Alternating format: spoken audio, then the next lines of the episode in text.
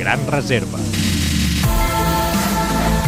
Avui fa 93 anys que el Barça va inaugurar el Camp de les Corts, el segon estadi de futbol de la història del club. El Camp de les Corts es va construir en només 3 mesos perquè el camp del carrer Indústria havia quedat petit i es necessitava un estadi més gran de manera urgent. El nou estadi es va construir inicialment amb una capacitat de 25.000 espectadors i va arribar a 60.000 abans de ser enderrocat en substitució de l'actual Camp Nou. En la inauguració, el Barça va estrenar el camp de gespa guanyant per dos gols a un al Sant Mirren d'Escòcia en un partit amistós.